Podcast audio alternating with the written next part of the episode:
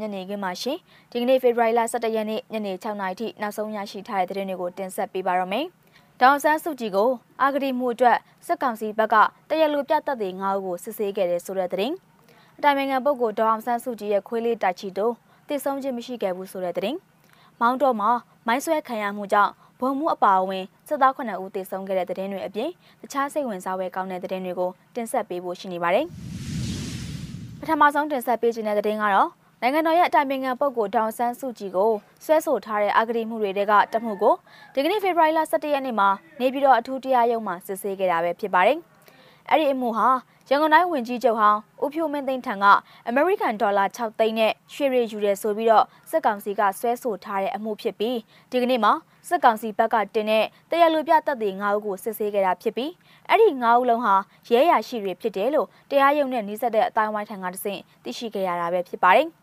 ဒီမှုမှာစစ်ဖို့ကြံနေတဲ့တပ်တွေရှိနေသေးပေမဲ့တရားသူကြီးရဲ့လုတ်ပိုင်ခွင့်ရဆွဲချက်တင်ရန်တင်မတင်ရှောက်လဲချက်တောင်းတဲ့အတွက်ဖေဖော်ဝါရီလ18ရက်နေ့မှာတော့ဒီမှုအတွက်နှစ်ဖက်လျှောက်လက်ချက်တွေပေးဖို့ရှိရဲလို့တရားရုံးနဲ့နှိစက်တဲ့အတိုင်းဝိုင်းကဆက်လက်ပြီးပြောကြားခဲ့တာပါ။ဒေါက်ခင်ဂျီဖောင်ဒေးရှင်းနဲ့ဆက်ဆက်ပြီးဆွဲဆိုထားတဲ့နောက်ထပ်အာဂတိမှု၄မှုနဲ့ရဟတ်ရင်9ရက်မှု ဝယ်ယူမှုတို့နဲ့ပတ်သက်ပြီးဆွဲဆိုထားတဲ့အာဂတိ9မှုရုံးချိန်တွေကိုလည်းအဲ့ဒီဖေဖော်ဝါရီလ18ရက်နေ့ကိုပဲပြန်လည်ချင်းဆိုထားတယ်လို့သိရှိခဲ့ရတာပဲဖြစ်ပါတယ်။ဆက်လက်ပြီးတော့နိုင်ငံတော်ရဲ့အတိုင်ပင်ခံပုဂ္ဂိုလ် ဒေါန်ဆန်းစုကြည်ရဲ့ခွေးလေးတိုက်ချီတို့ဟာတိတ်ဆုံးခြင်းမရှိသေးဘူးဆိုတဲ့သတင်းကိုတင်ဆက်ပေးကြပါမယ်။နိုင်ငံတော်ရဲ့အတိုင်ပင်ခံပုဂ္ဂိုလ်ဒေါန်ဆန်းစုကြည်ရဲ့ခွေးလေးတိုက်ချီတို့ဟာတိတ်ဆုံးခြင်းမရှိသေးဘူးလို့သတင်းရင်းမြစ်တစ်ခုထံကနေတဆင့်သိရှိခဲ့ရတာပဲဖြစ်ပါတယ်။တိုက်ချီတို့တိတ်ဆုံးပြီလို့ဖေဖော်ဝါရီလ10ရက်နေ့ကသတင်းတွေထွက်ပေါ်ခဲ့တာဖြစ်ပြီးတော့အဲ့ဒီသတင်းဟာမှားယွင်းနေပြီးတိုက်ချီတို့လေးဟာကျမ်းမာရေးမကောင်းဘူးလို့သိရှိခဲ့ရတာပဲဖြစ်ပါတယ်။ အတိုင်ပင်ခံပုဂ္ဂိုလ်ကတကြံရောက်တိုင်း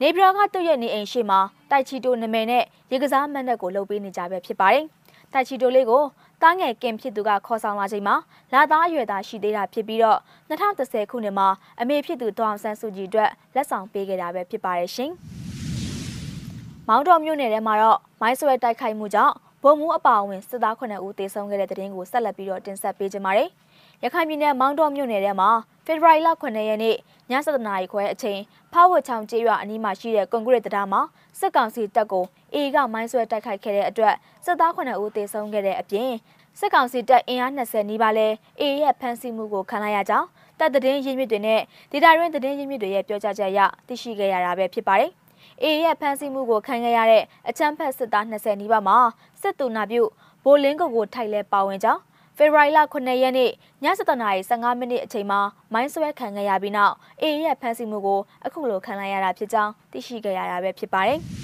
။နောက်ဆုံးတင်ဆက်ပေးခြင်းတဲ့သတင်းကတော့ကြိုက်ထုံမျိုးနယ်ကသတင်းမှာ